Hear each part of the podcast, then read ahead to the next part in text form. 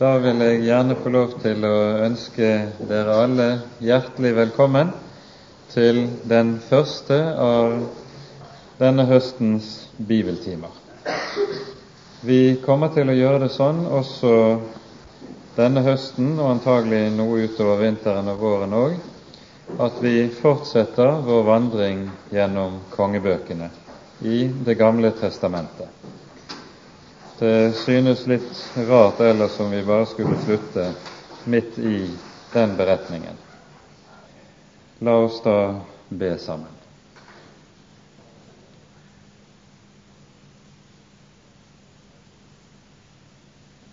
Kjære gode Herre og Hellige Far. Vi takker og lover deg at vi på ny skal få lov til å komme sammen for å høre ditt ord og få lov til ved det å lære deg bedre å kjenne.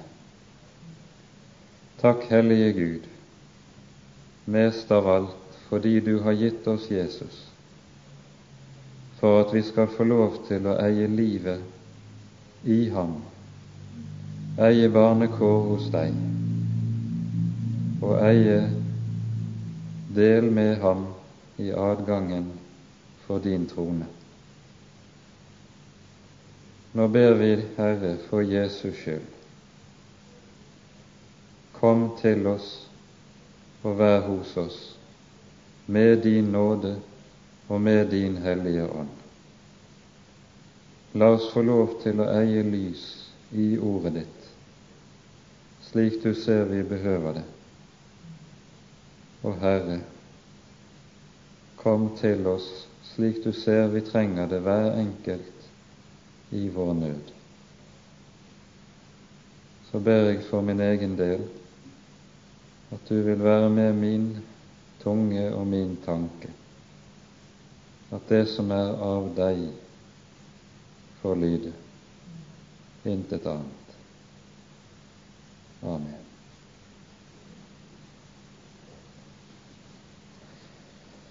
De siste bibeltimene før sommerferien var det slik at vi var sammen om beretningen om profeten Elias, som vi først og fremst møter i slutten av første kongebok, frem til vi da siste gang stanset opp for å så nærmere på Elias' avskjed fra denne verden slik den er beskrevet i annen kongeboks annet kapittel.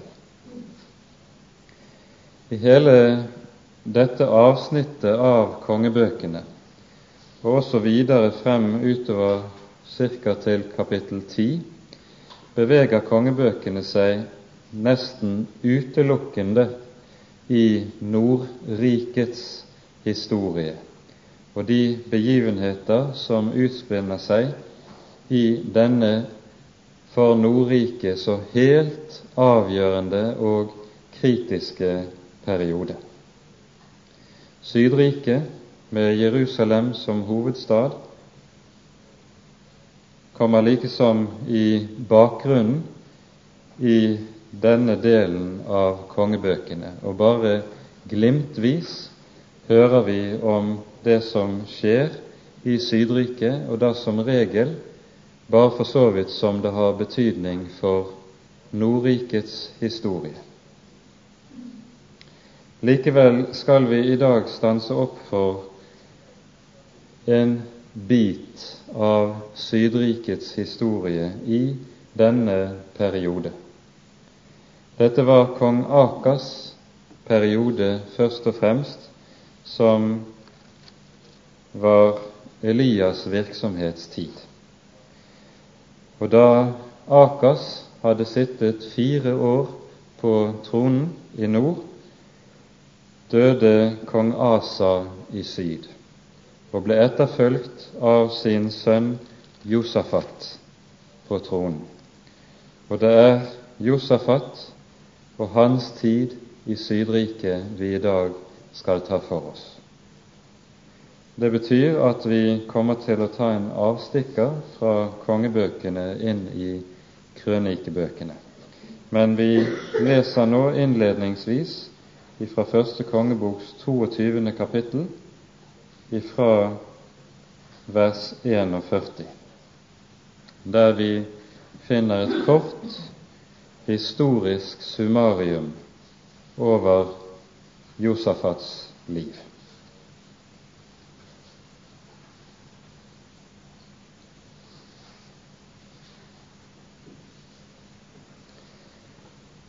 Josafat, Asas sønn, ble konge over Juda i Akabs, Israels konges fjerde år. Josafat var 35 år gammel da han ble konge, og regjerte i Jerusalem i 25 år. Hans mor hette Asuba og var datter av Silhi.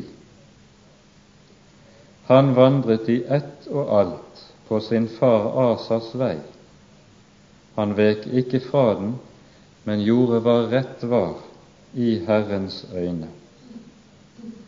Dog ble offerhaugene ikke nedlagt. Folket ble ved å ofre og brenne røkelse på haugene. Josafat holdt fred med Israels konge. Hva som ellers er fortalt om Josafat og om de store gjerninger han gjorde, og om de kriger han førte, er oppskrevet i Judas kongers krønike. Han utryddet også av landet de tempelbolere som var blitt tilbake i hans far Asas dager. Det var den gang ingen konge i Edom, en stattholder regjerte der. Der stanser vi foreløpig. Her finner vi altså et kort historisk summarium over Josafats liv og virke. Mens dette liv som omfattet, eller denne regjeringstid som omfattet 25 år, bare er behandlet i noen få vers her i kongebøkene, møter vi Josafat gjennom hele fire kapitler i annen krønikabok. Og der skal vi holde oss resten av denne kvelden. Da slår vi opp i 2. krønikaboks 17. kapittel. Krønikabøkene har jo det som ett av sine særlige kjennetegn at disse på sin side så godt som overhodet ikke behandler Nordrikets historie. Her i krønikebøkene er det tempelet og Jerusalem og løftene som er knyttet til Davids hus og tempelet i Jerusalem, som er hovedfokus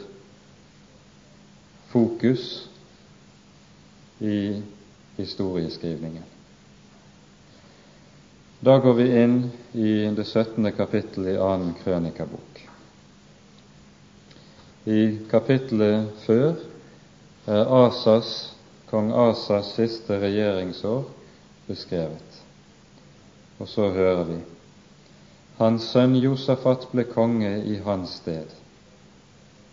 Han søkte å styrke seg imot Israel, altså Nordriket, og la krigsfolk i alle Judas faste byer, og la også mannskap i Juda og i de byer i Efraim som hans far Asa hadde inntatt. Og Herren var med Josafat fordi han vandret på de veier hans far David i sin første tid hadde fulgt, og ikke søkte til balene, men til sin fars Gud, og vandret i hans bud, og ikke gjorde som Israel og Herren trygget kongedømmet i hans hånd. Og hele Juda ga Josafat gaver, så han fikk stor rikdom og ære. Og hans mot vokste mens han skred frem på Herrens veier. Og han fikk også bort offerhaugene og astartebildene i Juda. I sin regjerings tredje år sendte han sine høvdinger Ben-Hail og Obadia og Zakaria og Netanel og Mikaia ut for å lære i Judas byer. Og sammen med dem levittene Semaya og Netanya og Sebadia og Asael og Semiramot og Jonathan og Adonja og Tobia og Tob Adonja. Og med disse levitter prestene Elisama og Joram. De lærte i Juda og hadde Herrens lovbok med seg. De dro omkring i alle Judas byer og lærte folket. Og frykt for Herren kom over alle rikene i de land som lå rundt omkring Juda så de ikke torde å føre krig med Josafat. En del av filistrene kom med gaver til Josafat, og med sølv som de ga i skatt. Også araberne førte småfe til ham, 7700 værer og 7700 bukker. Således ble Josafat mektigere og mektigere, til hans makt var meget stor og han bygget borger og opplagsbyer i Juda. Han hadde store forråd i Judas byer og stridsdjerve krigsmenn i Jerusalem. Dette er listen over dem. Og så følger det en liste som vi ikke behøver å lese her og nå.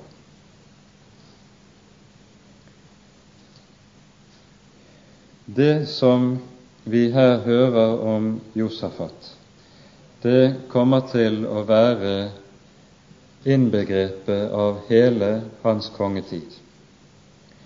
Han søker å styrke sitt land og sitt folk, og han gjør det på dobbelt vis.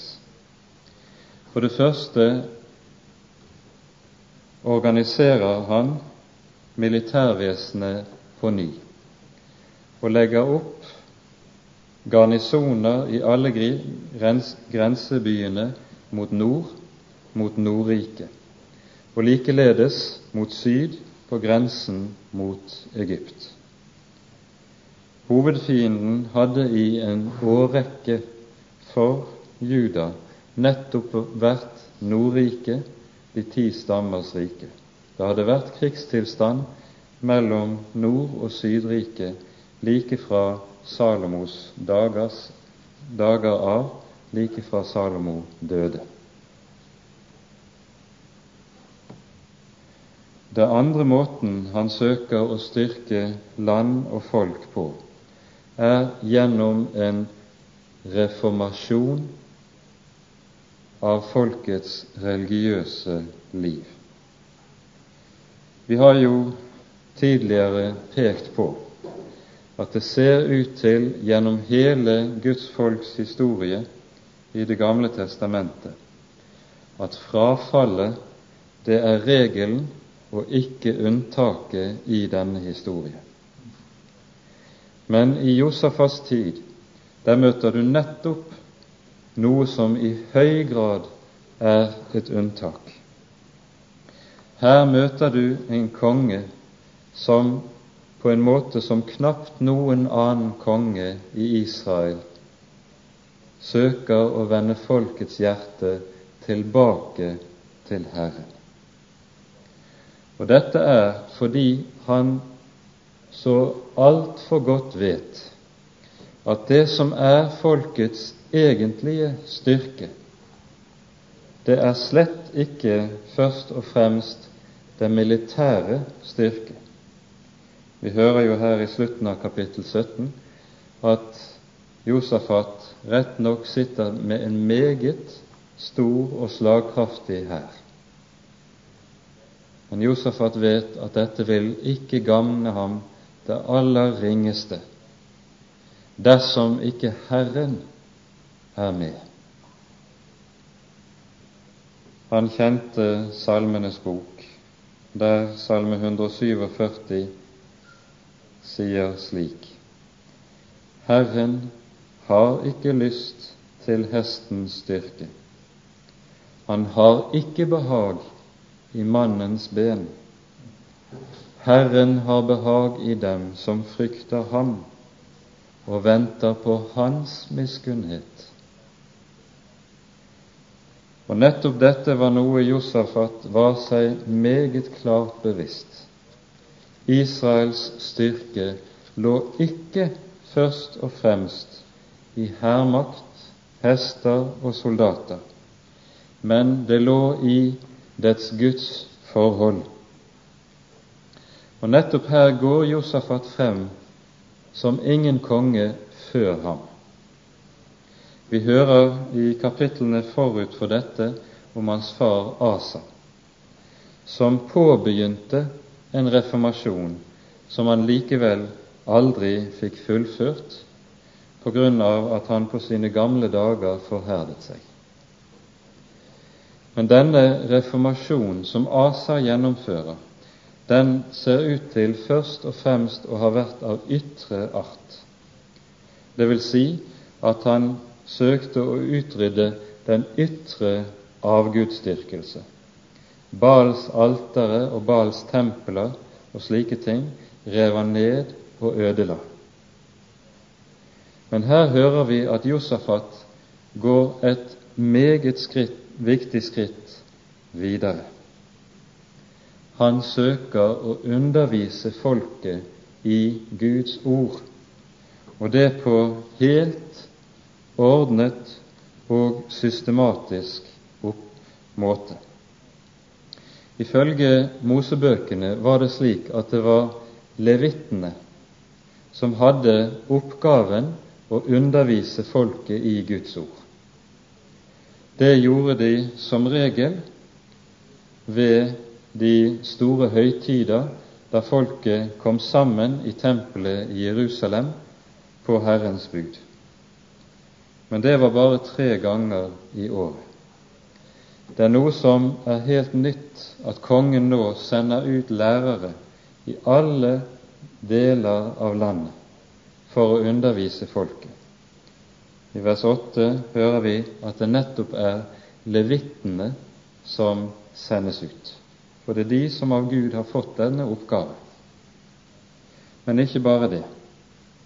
Han sender også med en del av de fremste lederne i folket, av de eldste regjeringsmedlemmer, ville vi kanskje si det, og nettopp for å gi levittenes undervisning tyngde og vekt. Her skulle det gjøres klart at det ikke bare var enkelte sære religiøse interesser som ga seg utslag, men her sto kongen bak med hele sin tyngde.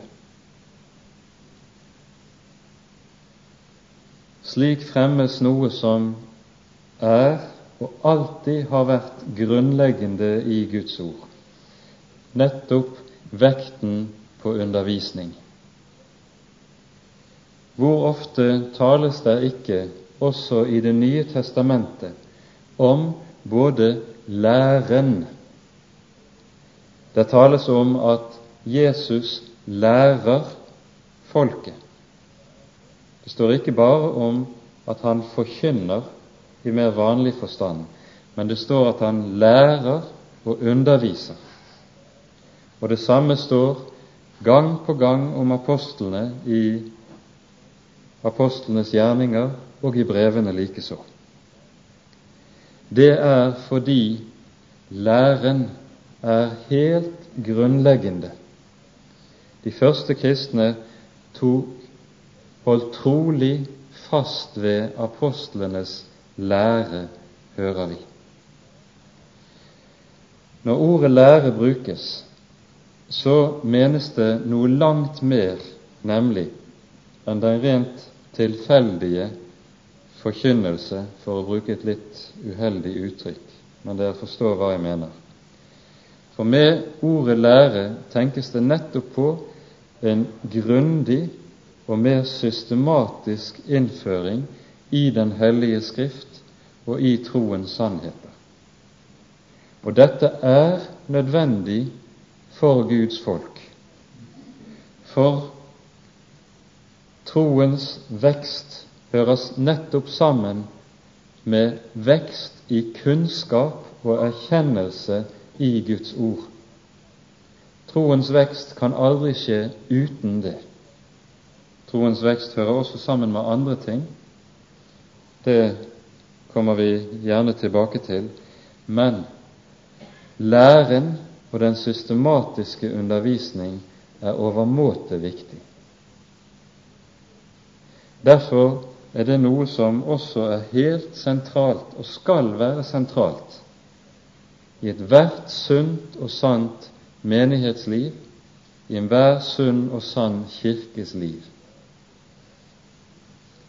Der læren nedgraderes og ses på som uviktig eller uinteressant, der er det alltid et faresignal. Da er det fare på ferde. For det er Den hellige Skrift selv som understreker for oss nødvendigheten nettopp av undervisning og av lære.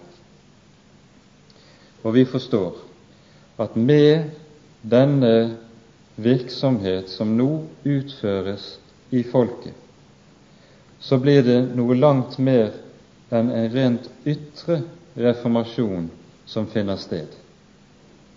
For i og med at Guds ord forkynnes og legges inn i folket på en slik måte, så får ordet også utføre det vi kan kalle for en indre reformasjon i hjertene. Og det bærer sin frukt. Vi legger merke til det står i vers 5 Herren trygget kongedømmet i Josafats hånd. Herren trygget. Det er den første frukt av Guds frykten. For det andre leser vi i vers 6 hans mot vokste mens han skred frem på Herrens veier. Vi kan jo levende forestille oss at Josafat både har kjent seg uskikket for og engstelig overfor den store oppgaven han var satt til som konge i Israel.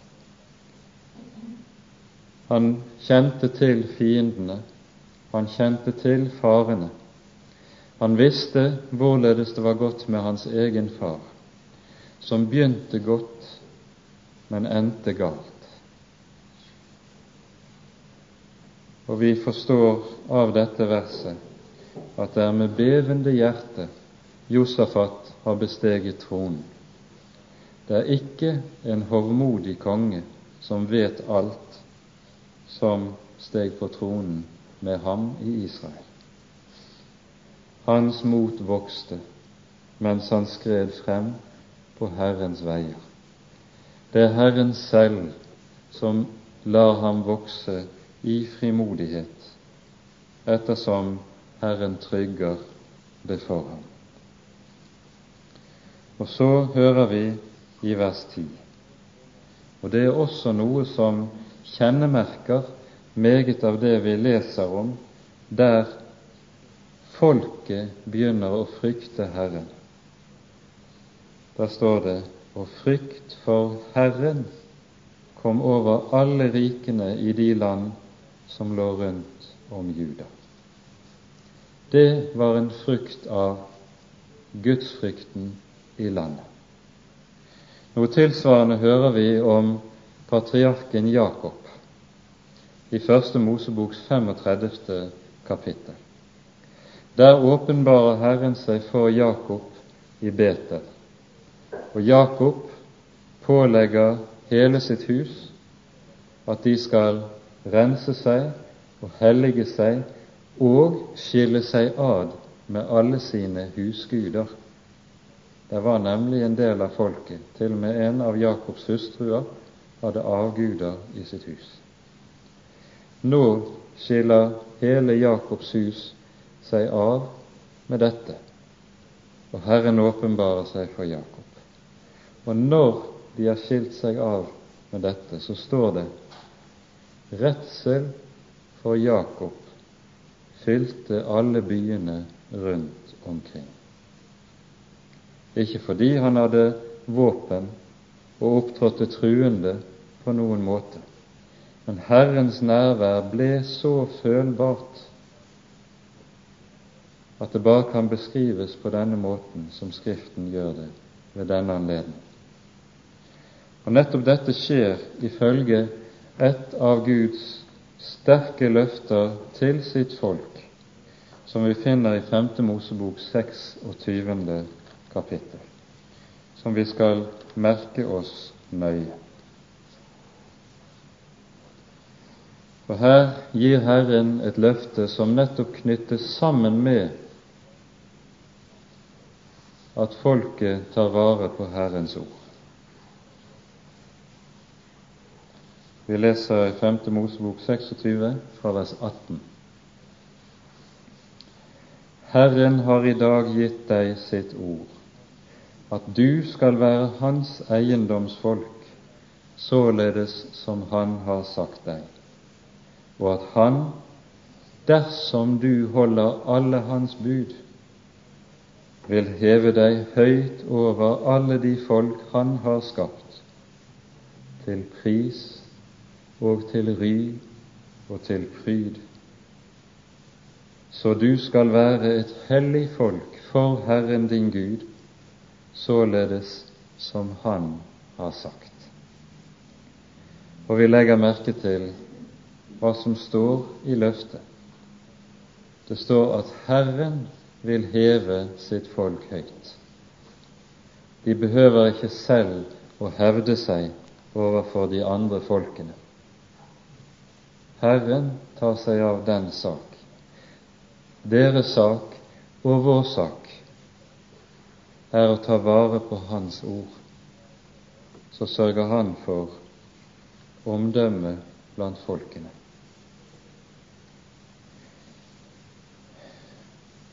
Dette innebærer imidlertid ikke at alle farer er over og slutt for Josafat. Når vi kommer inn i det 18.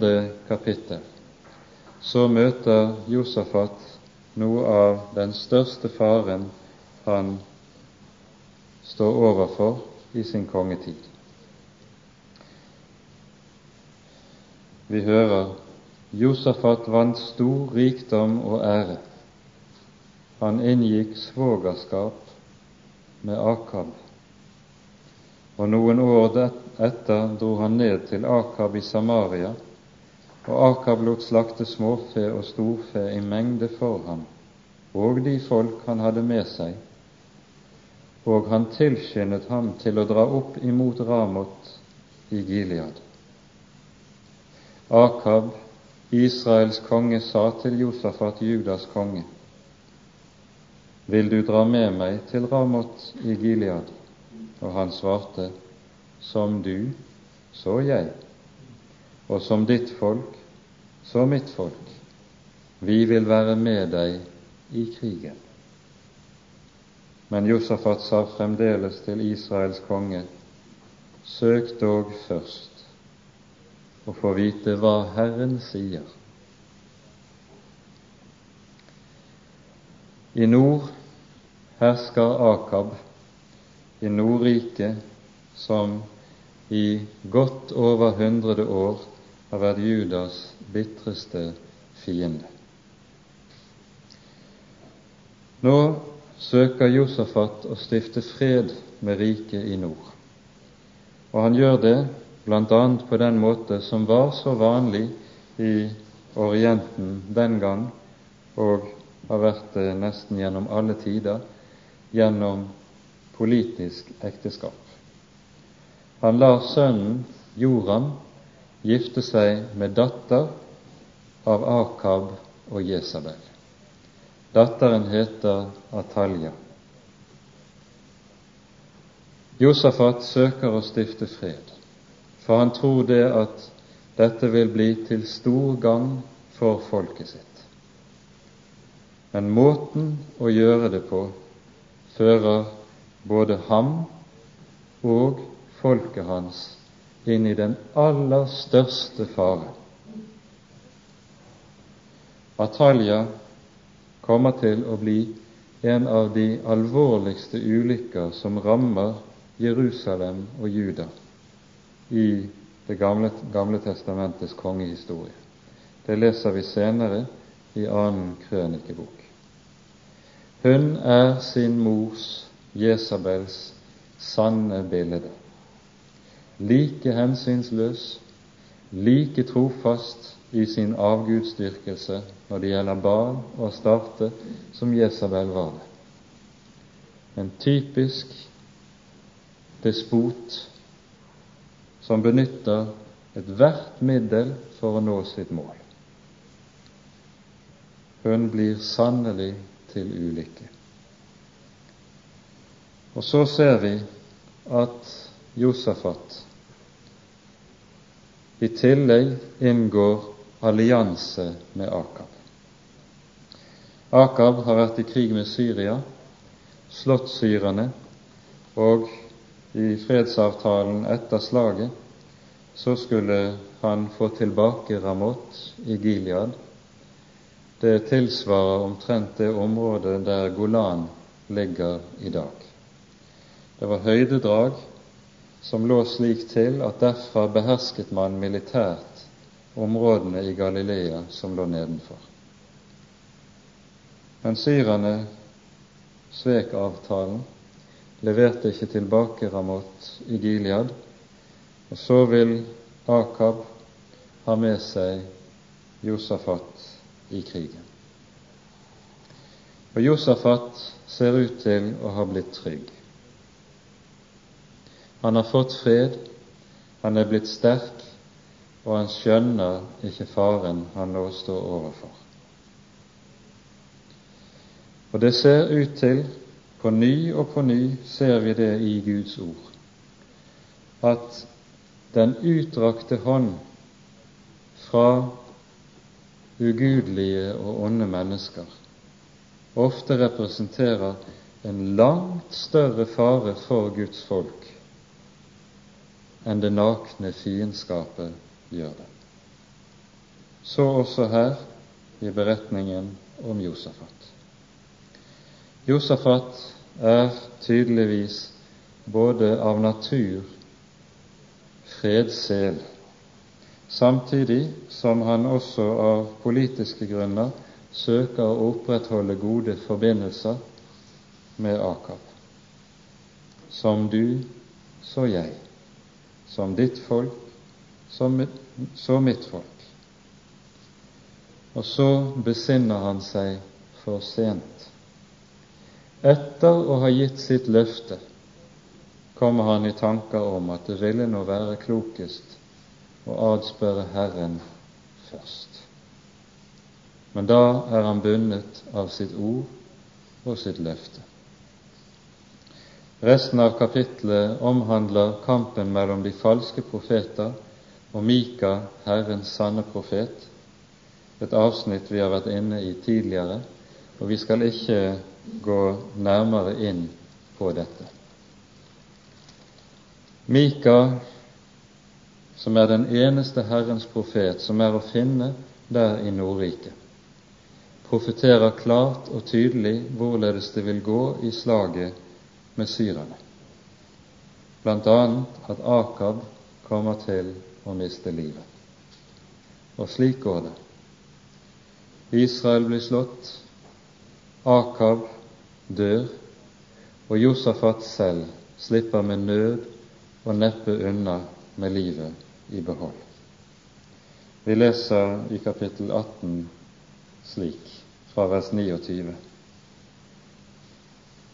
fra vers 28, unnskyld. Så dro Israels konge og Judas konge Josafat opp til Ramot i Gilead. Og Israels konge sa til Josafat, Jeg vil forkle meg og gå i striden, men tar du dine vanlige klær på? Så forkledde Israels konge seg, og de gikk i striden. Men kongen i Syria hadde befalt sine vognhøvedsmenn dere skal ikke stride mot noen, verken liten eller stor, bare mot Israels konge. Da nå vognhøvedsmennene så Josafat, sa de, dette er Israels konge, og de omringet ham for å stride. Da satte Josafat i et høyt rop, og Herren hjalp ham. Gud vendte dem bort fra ham. For da vognhøvedsmennene så at det ikke var Israels konge, vendte de seg fra ham igjen. Og i dette slaget, som blir så katastrofalt for Israel, for Nordriket, berges Josafat. Berges Josafat fordi han tross sin dårskap, tross at han har gått inn i noe som ikke er Herrens vilje, likevel var en som av hjertet søkte å høre Herren til. Og sånn er det ofte med oss. Også vi kan gjøre meget som ikke er efter Herrens behag. Gi oss inn på veier som slett ikke er efter Herrens vilje. Og så går det galt for oss. For det gjør vi når vi går våre egne veier. Men midt oppi dette er Herren trofast og verner sine små, for at de ikke skal gå til grunne på veien. Herren bevarer oss selv når vi steller oss som dårer. Så sant vårt hjerte er rett for ham. Det kan vi lære av denne fortellingen. Og så kommer vi til det 19. kapittel. Men Judas konge Josafat vendte uskadd hjem igjen til Jerusalem. Da gikk seeren Jehu, Hananis sønn, ut imot ham og han sa til kong Josafat, skal en hjelpe den ugudelige, og skal du elske dem som hater Herren? For dette hviler det vrede over deg fra Herren. Dog er det også funnet noe godt hos deg, for du har utryddet av startebildene av landet og vendt ditt hjerte til å søke Gud. Josafat ble nå en tid i Jerusalem, men siden dro han atter ut iblant folket, fra Bersheva like til Efraimfjellene, og førte dem tilbake til Herren, deres fedres Gud.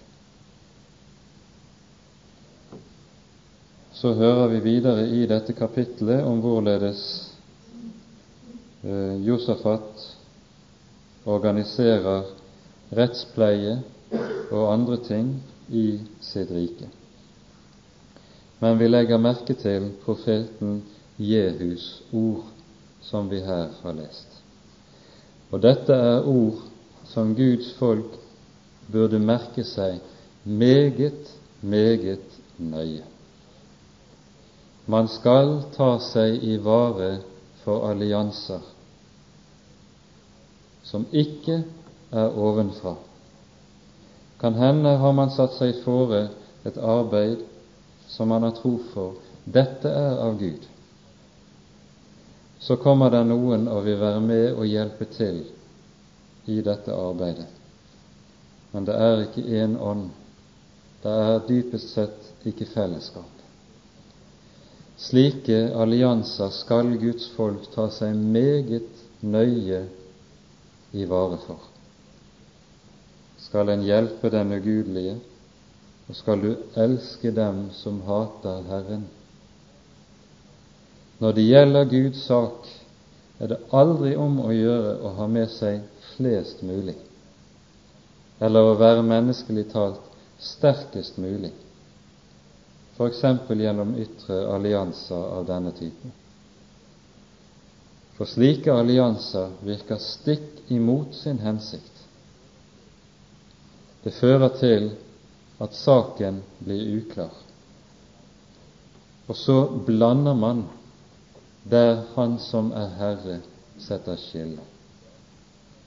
For det skal være skille mellom lys og mørke i Guds rike. Og det skillet skal vi som hører Hans folk til, søke aldri å viske ut. For til skillet mellom lys og mørke hører jo nettopp grenser. Klare grenser.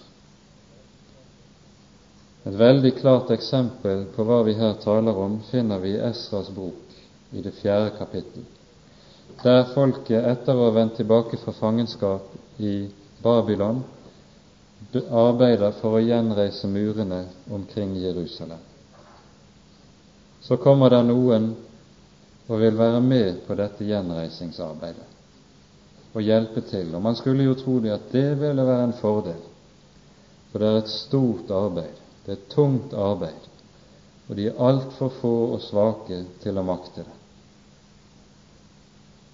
Men Esra sier nei, for han skjønner skjønner det folket ellers ikke skjønner.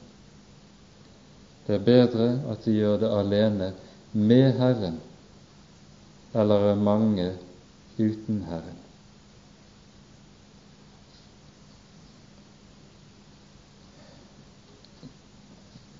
Jehu, som her profeterer slik for Josafat og irettesetter sin konge, han er sønn av Hanani, hører vi. Hanani er den profet som tidligere hadde talt til kong Asa etter at Asa hadde vært ute på et lignende prosjekt som ikke eide Guds velbehag. Da Asa ble møtt av Hananis budskap, vi møter det i første krønikebok 16. kapittel, blir han rasende. Han tåler ikke å bli satt på plass enn ikke av en Guds mann. Kaster profeten i fengsel, og det står at han også farer hårdt frem mot andre i folket. Josafat gjør ikke det. Han bøyer seg for irettesettelsen. Om han er konge aldri så meget, han vet at her står han overfor Guds ord. Han tar tukten til hjertet.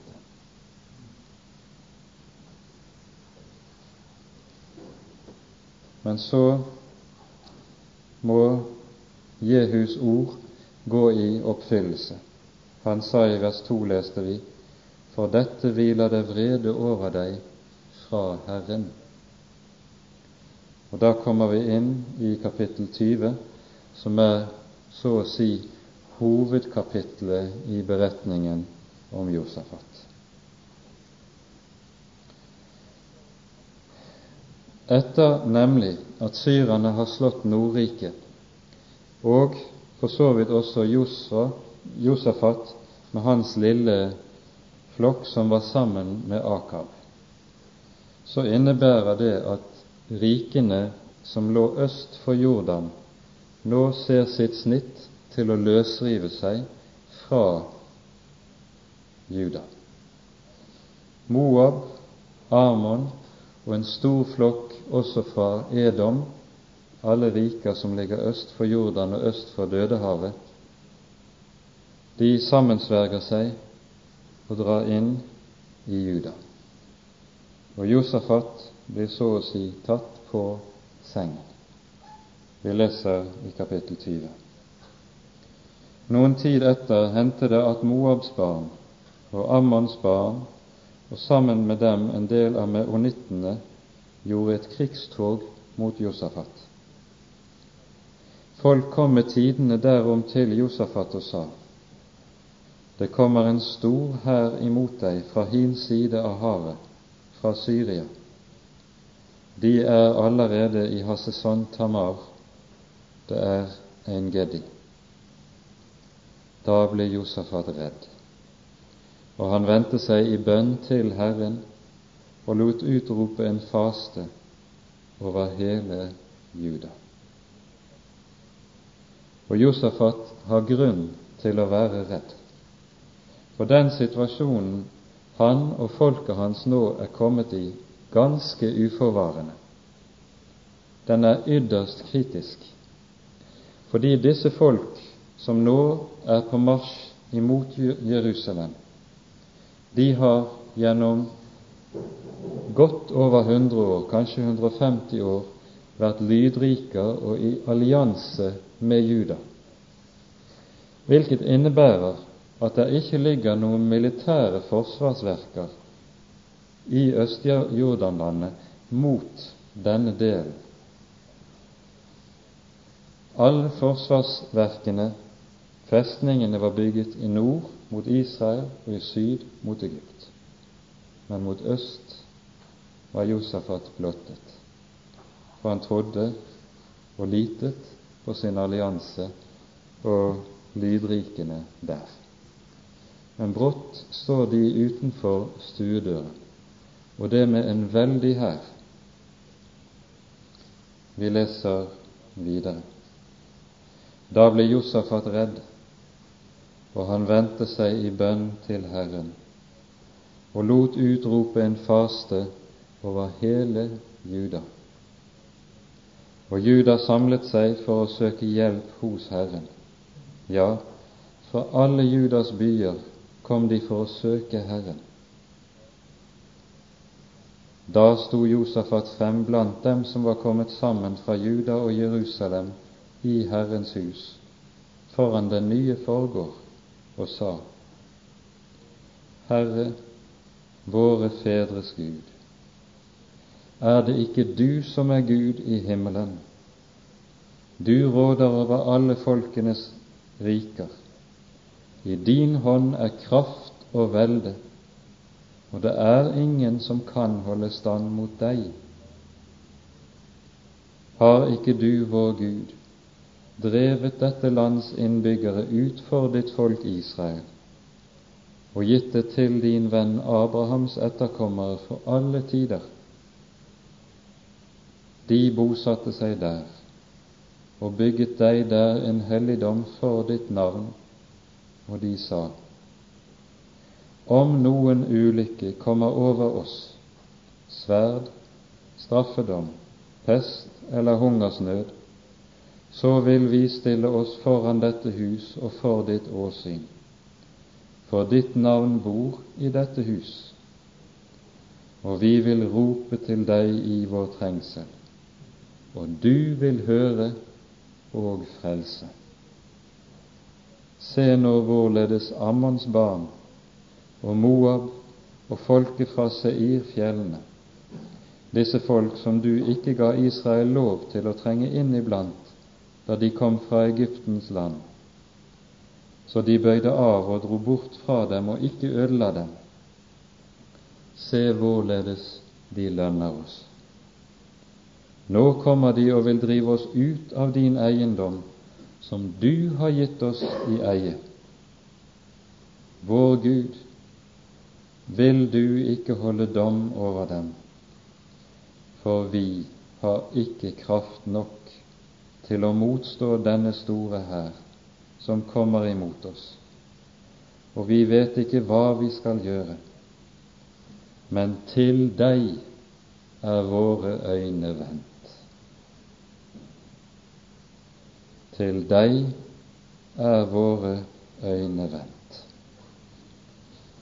Denne bønnen er kanskje en av de aller mest gripende vi finner i de historiske bøker i Det gamle testamentet. Det er slik at fienden står så nær Jerusalem at det ikke er tid til å kalle sammen hæravdelingene, verken fra nord eller fra sør. Og hva gjør Jos Josafat i sin hjelpeløshet? Han kaller folket sammen til bønn og til bot. Han søker Herren sin Gud. Og nå er det at det også viser seg at det reformasjonsverk som Josafat har drevet, bærer sin egentlige og virkelige frukt.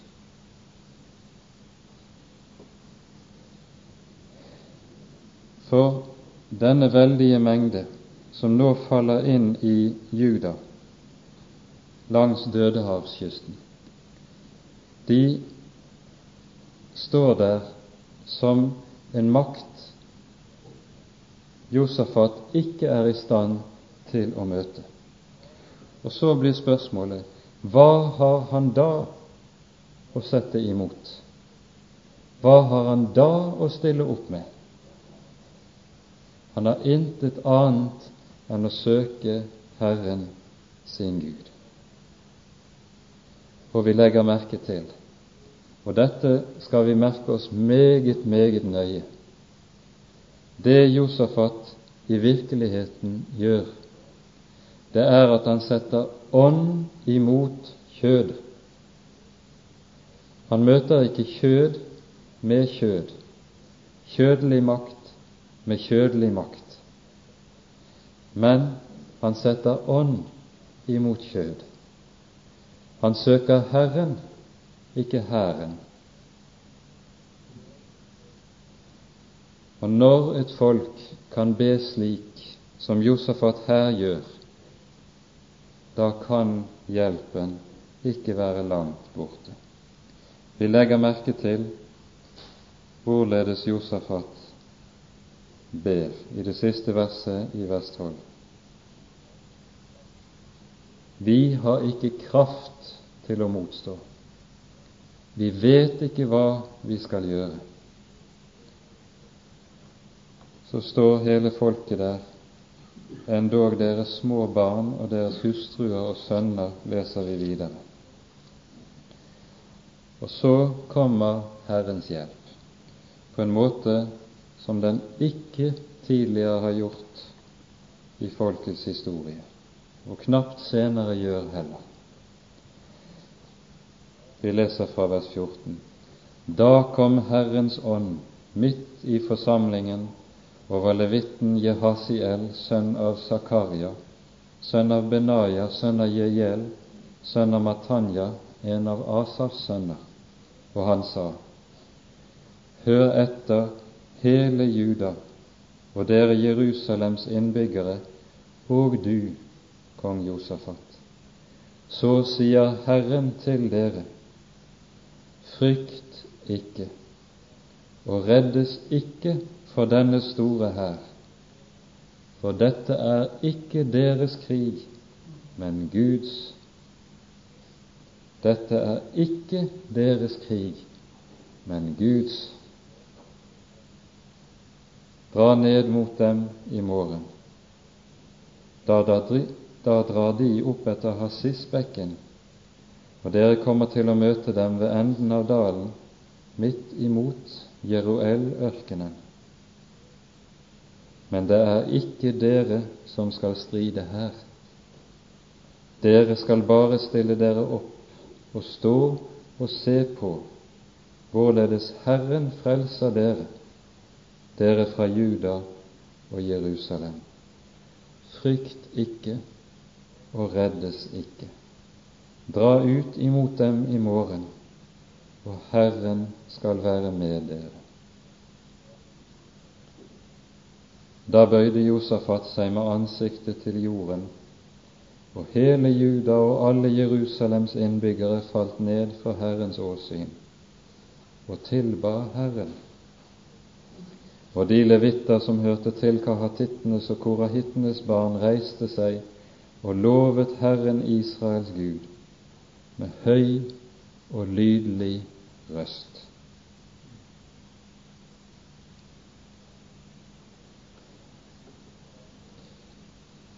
I den bønn Josafat har bedt, så ligger det en henvisning i det niende verset til den bønn kong Salomo ba da tempelet ble innviet etter at det var reist ferdig. Og der lover Herren nettopp at når Vi leser dette i første kongeboks åttende kapittel at når Israel kommer i slik nød, og så søker Herren i bønn og i bot, da vil Herren høre å svare. Og vi legger merke til i vers 12 ordene Til deg er våre øyne vendt. Her minner Josafat om ordene i Davids salme 25. Der David taler om at 'mine øyne er alltid vendt til Herren', for du frir mine føtter av garnet. Her sammenlignes sammenligner David seg med en som er fanget i et garn i snare. Og den som er fanget på den måten, dersom han kaver for å komme løs, så vil han bare sitte mer fast. Han vil vikle seg enda mer inn i garnet. Det er akkurat som en fisk som går i garnet. Jo mer han spreller, jo fastere sitter han. Derfor er den eneste måten å få hjelp på, det er sånn som David sier og Josafat gjør her. Til deg er mine øyne vendt. Der er hjelpen, der er håpet, intet annet sted. Og så kommer Herrens ord til folket, og vi skal legge merke til hvorledes alt like som snur for dem på Guds ord. Josafat og hele folket med ham bøyer seg i takk og tilbedelse for dette Guds løfte som kommer gjennom levitten Jehasiel. Og vi kunne spørre hva er det som har forandret seg fra tidligere. Ytre sett er det jo ingenting som er forandret, annet enn at fienden bare har benyttet tiden de var i tempelet, til å rykke stadig nærmere, slik at faren sånn sett er enda mer overhengende. Ytre sett har ellers intet forandret seg. Men indre sett er likevel alt endret for de har Guds løfte. Og det er tydelig at dette Guds løfte som kommer til dem, det skaper en trygg forvissning om at faren er over. Troen kommer av hørelsen. Så ser vi tydelig demonstrert for våre øyne her. Og så leser vi videre fra vers 20. Morgenen etter tok de tidlig ut og dro av sted til Tekoa-ørkenen. Og med det samme de dro ut, sto Josafat frem og sa:" Hør på meg, Juda, og dere Jerusalems innbyggere. Tro på Herren deres Gud, så skal dere holde stand. Tro på Hans profeter, så skal dere ha lykke med dere. Og han rådførte seg med folket og stilte sangere opp som skulle love Herren i hellig skrud, mens de dro ut foran den væpnede hær og si:" Lov Herren, for Hans miskunnhet varer evinnelig. Aldri har noen her dratt ut på det viset i Israel. Her er ikke det de væpnede helter som går først, men en skare i hellig skrud som lovsynger Herren sin Gud. Og her skjønner vi at Josafat og hele folket med ham så fast liter på Guds løfte at de ikke behøver å dra ut, så å si, med skjold foran seg, våpen foran seg, for sikkerhets skyld. De drar ut i tro uten å se. De drar ut i tro i enkel og fast forvissning på at dette Guds løfte, det står ved lag. Tro er full visshet om ting som ikke sees. Og så sannes det for deres øyne at her var det ikke de som skulle stride, men Herren. Og vi merker ekkoet fra Andre Moseboks 14. kapittel, befrielsen fra Egypt. Herren skal stride for dere, og dere skal være stille. Og så drar folket ut med lovsang på leppene. Den seierssang som normalt lyder etter at slaget er vunnet, lyder nå før, som om slaget allerede var vunnet. Og dypest sett var det også det. Vi leser fra vers 22.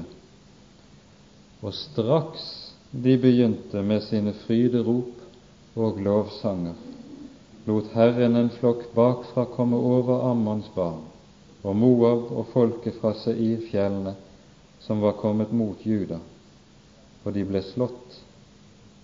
Og Ammons barn og Moab vendte seg imot folket fra Seir-fjellene og hugg dem ned og ødela dem. Og da de hadde gjort ende på folket fra Seir, hjalp de hverandre med innbyrdes ødeleggelse. Og da Juda kom opp på høyden hvorfra en kunne se utover ørkenen, og så seg om etter hæren, fikk de se dem ligge døde på jorden, og ingen var sluppet unna. Josafat og hans folk dro dit for å plyndre, og de fant der både gods og døde kropper og kostbare ting i mengde. Og det hærfang de tok, var så stort at de ikke kunne bære det. I tre dager holdt de på med å plyndre, så meget hærfang var det. Den fjerde dag samlet de seg i lovprisningsdalen. Der lovet de Herren. Derfor heter dette sted lovprisningsdalen den dag i dag. Så vendte alle Judas og Jerusalems menn om med Josafat foran og dro glade tilbake til Jerusalem for Herren hadde unnt dem den glede å vinne over sine fiender. De dro inn i Jerusalem til Herrens hus med harper og sitarer og trompeter. Og frykt for Gud kom over alle riker rundt i landene da de hørte at Herren hadde stridd mot Israels fiender. Og Josafats rike hadde nu fred fordi hans Gud lot ham få ro på alle kanter. Fordi hans Gud lot ham få ro på alle kanter. Den dag i dag heter denne dal Lovprisningsdalen. Like opp til våre dager står det navnet igjen i Judas ødemarker til minne om det som skjedde her. Og denne beretningen er en beretning som gir et klart og tydelig eksempel for oss og anskuelsesundervisning for oss, både hva frelse er, og hvor i Guds folks egentlige styrke består. Frelse består i at Herren får lov til å føre striden, og vi være stille. Den består ikke i at vi har noe å fare med, vi har noe å komme med, vi har krefter til å løse det som måtte melde seg. Det består tvert om i at noen som ikke har noe av alt dette, får erfare at Han som er Herre, kommer med sin hånd og gjør sin gjerning alene. Uten vår hjelp, uten vår bistand, uten at vi kan gjøre noe til eller fra. Frelse er at Han som er Herre, får være alene om sitt verk. Styrken i Guds folk består i å frykte Han som er Herre.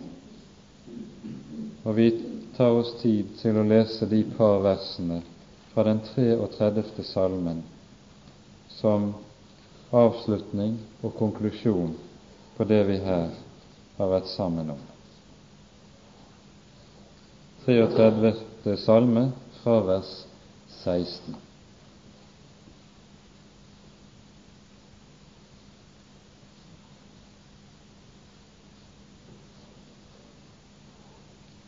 En konge frelses ikke ved sin store makt. En helt reddes ikke ved sin store kraft. Hesten er ikke å stole på til frelse, og med sin store styrke redder den ikke. Se, Herrens øye ser til dem som frykter ham, som bier på hans miskunnhet, for å utfri deres sjel fra døden og holde dem i live i hungersnød. Vår sjel bier på Herren. Han er vår hjelp og vårt skjold. For i ham fryder vårt hjerte seg, fordi vi setter vår lit til Hans hellige navn. Din miskunnhet, Herre, være over oss, således som vi håper på deg.